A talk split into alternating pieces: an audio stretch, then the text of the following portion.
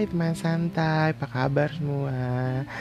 Gue harap kalian semua dalam keadaan sehat dan dalam kondisi yang baik Dan masih di rumah Masih hashtag di rumah aja Karena memang seperti itu kan yang diperintahkan oleh pemerintah Artinya yang di, disuruh oleh pemerintah bahwa kita di rumah aja gitu Nah buat nemenin teman-teman santai yang lagi di rumah gitu kan.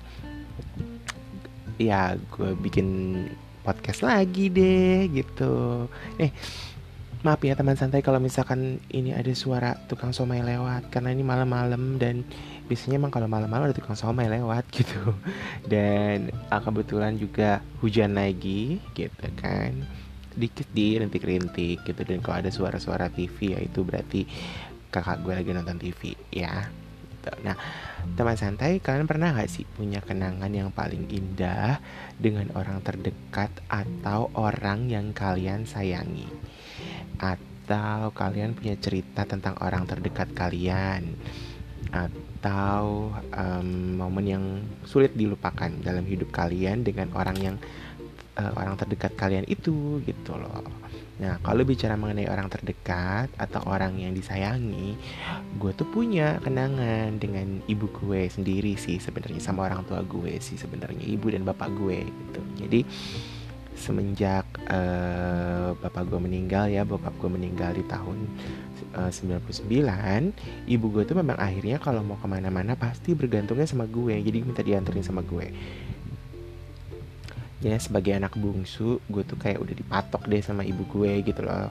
Gue tuh manggilnya mama ya bukan ibu sih sebenarnya. Jadi sama nyokap gue tuh sama mama gue tuh udah dipatok bahwa ntar nemenin mama ke sini ke sini ke sini. Pokoknya gue harus selalu nemenin gitu. Nah ketika bokap gue meninggal tuh belum lama ya. Jadi waktunya tuh belum terlalu lama bokap gue meninggal si mama tuh nggak mau ditinggal sendirian gitu. Pernah suatu kali dia mandi pintunya dibuka. Gue tuh sempat kaget dan nanya kenapa itu mandi pintunya dibuka? Gitu kan. Terus kata nyokap gue tuh dia takut mesti kebayang bokap gue katanya gitu.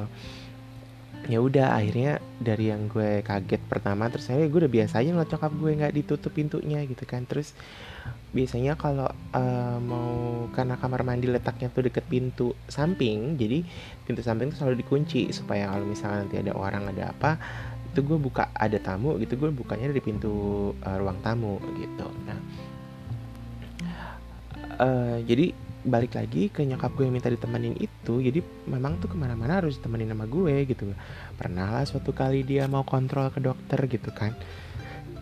Sebelum gue berangkat kuliah nih pagi-pagi nih si nyokap gue tuh udah pesen bahwa nanti pulangnya jangan kesorean banget. Soalnya mama mau ke dokter mau kontrol gitu kan. Nah habis kuliah langsung pulang ya gitu. Bener aja sih kebetulan tuh gue kuliah cuma sampai jam 2 apa jam 3 gitu deh kalau nggak salah. Tapi memang uh, pas lah dia minta pesannya sama gue tuh bahwa memang ketika ketika, ketika hari itu gue kuliah nggak nyampe sore banget. Karena memang biasanya gue tuh selesai kuliah tuh terakhir ada suka jam 4 gitu. Jadi bisa sampai rumah tuh jam 6 sore gitu kan. Nah pulang dari kampus. Nah kampus gue tuh kan di IKJ ya di Cikini.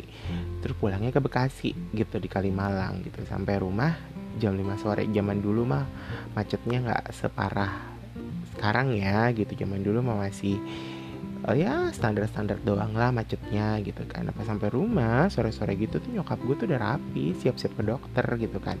Karena memang jadwal ke dokternya tuh jam 7 malam gitu. Nah kebetulan juga rumah sakit tuh deket jadi nggak terlalu bikin gue terburu-buru gitu. Nah gue disuruh makan abis itu mandi terus langsung cus deh ke dokter nemenin dia kontrol begitu aja terus gitu. Dan memang kadang-kadang juga ada acara keluarga pasti nyokap gue temenin. Ada acara um, kebaktian di uh, orang gereja gue juga pasti nemenin kayak gitu. Terus misalkan ada kondangan gitu juga kadang-kadang gue juga nemenin kayak gitu aja gitu. Nah kenangan dengan nyokap gue yang paling diinget adalah ketika nyokap gue tuh sakit kena serangan stroke itu tahun 2003 nah serangan yang pertama itu kan emang masih cukup ringan sih tapi bikin nyokap gue tuh kayak mengalami yang namanya delusional gitu. Jadi dia tuh kayak uh, apa ya istilahnya dia membicarakan sesuatu yang sebenarnya nggak dia alamin atau dia membicarakan sesuatu yang sebenarnya udah lama banget dia dia apa namanya udah lama banget dia uh, alamin gitu. Jadi kayak memori masa lalunya tuh kayak keacak kayak gitu. Nah jadi gue tuh harus ngebagi pikiran gue tuh ke kuliah dan ke nyokap gue yang sakit gitu. Nah tiap pagi gue tuh harus bangun gitu kan harus bangun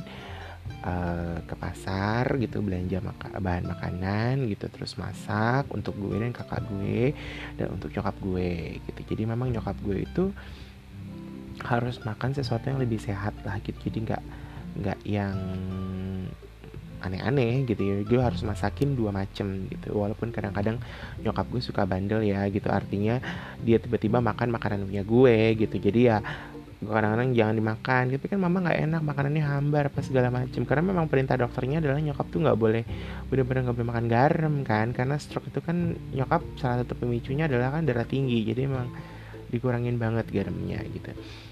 Jadi ya gue masak emang dua macam gitu. Nah yang paling gue inget adalah suatu kali di hari Minggu atau Sabtu gitu gue tuh mendengar bunyi mesin cuci. Jadi gue tuh masih tidur. Tapi pagi-pagi tuh baru kok ada mesin cuci bunyi? Mesin cuci gue bunyi.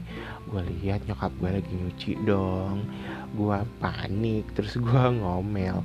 Nah omelan gue itu tuh bikin nyokap gue nangis. Karena ngerasa sakit hati. Kenapa gue diomel-omelin sama anak gue gitu kan? Nah cucian memang akhirnya gue ambil alih. Sampai akhirnya gue juga bilang ke nyokap gue bahwa aku itu tuh bertanggung jawab terhadap mama di rumah. Jadi apa yang terjadi nanti sama mama, bisa-bisa aku yang disalahin. Jadi itu pun gue pun ya sambil berurai air mata ya. Jadilah nyokap gue cuman gue bolehin nyapu-nyapu aja deh kayak gitu. Nah, semua tuh gue lakukan dan dibantu sama kakak gue lah yang kalau ya walaupun harus gue teriakin dulu gitu karena momen itu tuh paling gue inget ketika nyokap gue masih ada dan momen paling diingat satu lagi adalah dengan nyokap gue adalah ketika nyokap tuh menghembuskan nafas terakhirnya di depan mata gue sendiri. Ketika itu memang malamnya gue udah eh, dua malam sebelumnya, dua hari sebelumnya memang dokter sudah bilang bahwa kondisi nyokap gue tuh sudah menurun gitu. Jadi uh, dokter berharap bahwa gue udah banyak berdoa dan mengikhlaskan dengan apa yang akan terjadi dengan nyokap gue gitu jadi pas kebetulan gue itu selama tiga hari itu belum pulang-pulang. Emang namanya nyokap di rumah sakit terus dari hari dari hari minggu malahan. Gue inget karena nyokap gue tuh meninggal di hari rabu. Jadi gue nemenin nyokap gue dari hari minggu senin selasa rabu gitu. Sampai tuh satu kali ya pasien yang di sebelah nyokap gue itu bilang ke gue gitu kan e, mas pulang dulu biar mamahnya nanti saya yang temenin gitu. Masnya kan belum pulang belum ganti baju ambil bawa bawa baju deh bawa apa segala macam di rumah kata gitu segala macam untung rumah deket sama rumah sakit kan gitu. Jadi gue nggak terlalu khawatir gitu. Akhirnya gue memang pulang sebentar sekitar sore sore eh siang siangan gitu gue balik lagi ke rumah sakit gitu. Dan uh, pasien yang sebelah kan ditemenin sama nyokapnya gitu kan. Dan akhirnya memang uh, dia cerita tadi ada yang dateng nggak tahu siapa ada pokoknya gue nggak tahu deh pokoknya ada yang dateng dia bilang gitu oh ya udah begitu uh, dan uh, kebetulan gak enaknya adalah ketika di hari uh, Selasa pagi pasien sebelah gue yang deket sama istilahnya memang deket sih karena kan sering ngobrol ya itu tuh pulang gitu. Jadi akhirnya dia udah pulang nggak keluar dari rumah sakit akhirnya jadilah di kamar itu sendirian gitu gue nemenin nyokap gitu. Nah di Selasa malam ada pasien di ujung untuk di dekat jendela. Di Rabu pagi itulah nyokap gue tuh meninggal gitu. Nah ketika itu akhirnya memang di rumah sakit gue lagi sendirian benar-benar sendirian. Kakak gue yang mau gantiin gue tuh belum dateng gitu. Jadi gue itu karena masih pagi. Jadi akhirnya nyokap gue tuh meninggalnya memang pagi.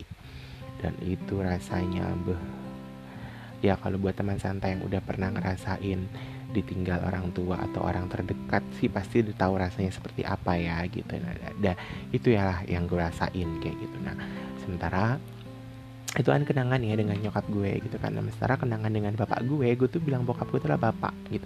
Karena gue orang Jawa. Nah adalah ketika gue makan di sebuah restoran Jepang cepat saji di mana ketika itu bokap gue memang udah dalam kondisi sakit sih sebenarnya. Minta ditemenin ke kantornya gitu. Gue inget banget ketika itu adalah uh, minggu-minggu terakhir kampanye pemilu tahun 99 jadi uh, seminggu kemudian akan ada kampanye eh bukan kampanye pemilu maksud gue. Ada pemilu tahun 99 gitu. Jadi uh, gue nemenin bokap gue lah gitu. Terus kata bokap gue uh, pokoknya minta ditemenin terus bokap gue tuh ngerayunya adalah gue nanti nanti pokoknya bapak ajak makan deh di restoran kayak gitu kan di di restoran Jepang itu gitu. Oke. Okay. dan kebetulan memang deket rumah ada mall. Jadi kebetulan restoran Jepang itu di mall itu ada gitu. Nah ya udah gitu kan itu momen terakhir gue dengan bokap gue makan berdua. Gitu. Dan setelah itu seminggu kemudian ketika hari pemilu ya bokap gue masuk rumah sakit. Dan udah dari sejak masuk rumah sakit selama 14 hari akhirnya bokap gue meninggal gitu kan nah, karena memang gue sering jalan berdua ya zaman dulu sama bokap gue. Jadi sampai gue sekitar remaja gitu gitu. Makanya kenapa uh, apa namanya uh, gue tuh kalau jalan-jalan tuh pasti bokap gue nemenin kayak gitu. Eh gue nemenin bokap gue. Ya itu juga jadi gue tuh kenyang ya namanya nemenin orang tua. Bokap gue ke mana nyokap gue ke mana tuh gue nemenin tuh kenyang gitu. Nah, jadi banyak kenangan sih sebenarnya dengan orang tua gue. Cuman memang kenangan itu hanya berlangsung ya kurang lebih 22 tahun doang gitu kan. Karena ketika uh, nyokap gue itu adalah orang tua terakhir meninggal sehari sebelum gue ulang tahun ke 22 gitu jadi uh, kalau bokap gue kan tahun 99 nyokap gue tahun 2003 jadi tuh nyokap gue meninggal gue ingat karena tanggal 3 September gitu. Jadi pada saat gue ulang tahun di 4 September itu uh, itu hari ulang tahun gue gue gue memakamkan nyokap gue gitu ketika itu. Nah tapi itu kenangan ngurusin nama nyokap sakit karena serangan stroke dari masakin mandiin sampai nyebokin. Itu udah pernah gue lakukan dan semua terpatri jelas dalam ingatan gue. Nah teman santai kalian ada nggak sih kenangan bersama orang tua atau orang tersayang yang masih kalian ingat hingga detik ini gitu kan? Tapi sebenarnya kenangan-kenangan itu tuh kan bukan kenangan-kenangan yang menyedihkan tapi adalah kenangan-kenangan yang membawa kita kepada eh, pendewasaan kita juga sih sebenarnya. Jadi bahwa kita dulu pernah uh, punya kenangan indah dengan orang-orang terdekat punya kenangan-kenangan yang uh, tak terlupakan gitu. Entah itu apa pun kenangannya itu baik kenangan indah atau kenangan yang menyedihkan atau bukan kenangan yang lucu ya itu kan istilahnya bikin hidup kita menjadi lebih berwarna gitu. Ya kan? Dan semoga kenangan-kenangan tersebut juga bisa buat kalian menjadi orang yang lebih bisa menghargai hidup kalian dan juga bisa menghargai orang lain serta juga uh, bisa apa ya istilahnya lebih banyak tawakal lah kayak gitu. Karena kan kenangan itu memang akan hadir selalu akan hadir dalam hidup kita. Keep positive and happy. Salam shantai sai